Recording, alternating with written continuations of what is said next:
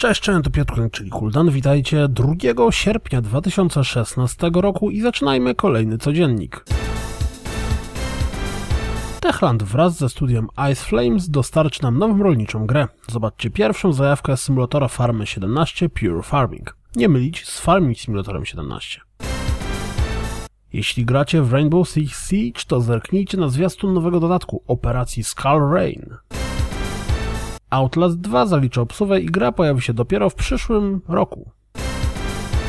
Na Kickstarterze ruszyła zbiórka na Diabotical, nastawionego na skillową rozgrywkę strzelaninę FPP w starym stylu. Sprawdźcie filmik związany ze zbiórką, bo fragmentami jest naprawdę zabawny. Zbiórka powiedzie się po przekroczeniu 110 tysięcy funtów i po pierwszym dniu udało się zebrać ponad połowę tej kwoty. Patrząc po reakcji Ed na wyniki ankiety, którą założył na Twitterze, być może MKXL zawita na PC. Jeśli nie sięgnęliście po Insight na PC lub Xbox One, to pod koniec sierpnia będziecie mogli ograć tytuł na PlayStation 4. Jeśli zastanawialiście się, jakie Universal aplikacje z Windowsa 10 zainstalujecie na swoim Xboxie One, to warto sprawdzić podlinkowany wpis. Jak okazało się w trakcie streamu z producentem Yakuzy, Sega zastanawia się nad stworzeniem odświeżonych wersji drugiej, trzeciej, czwartej i piątej części gry.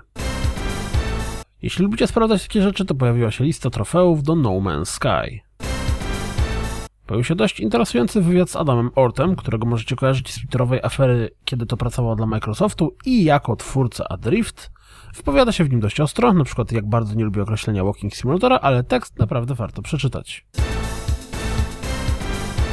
To wszystko na dziś, jak zawsze dziękuję za słuchanie, jak zawsze zapraszam na www.rozgrywkapodcast.pl Jeśli doceniacie moją pracę, wesprzyjcie mnie na Patronite i mam nadzieję słyszymy się jutro, trzymajcie się, cześć!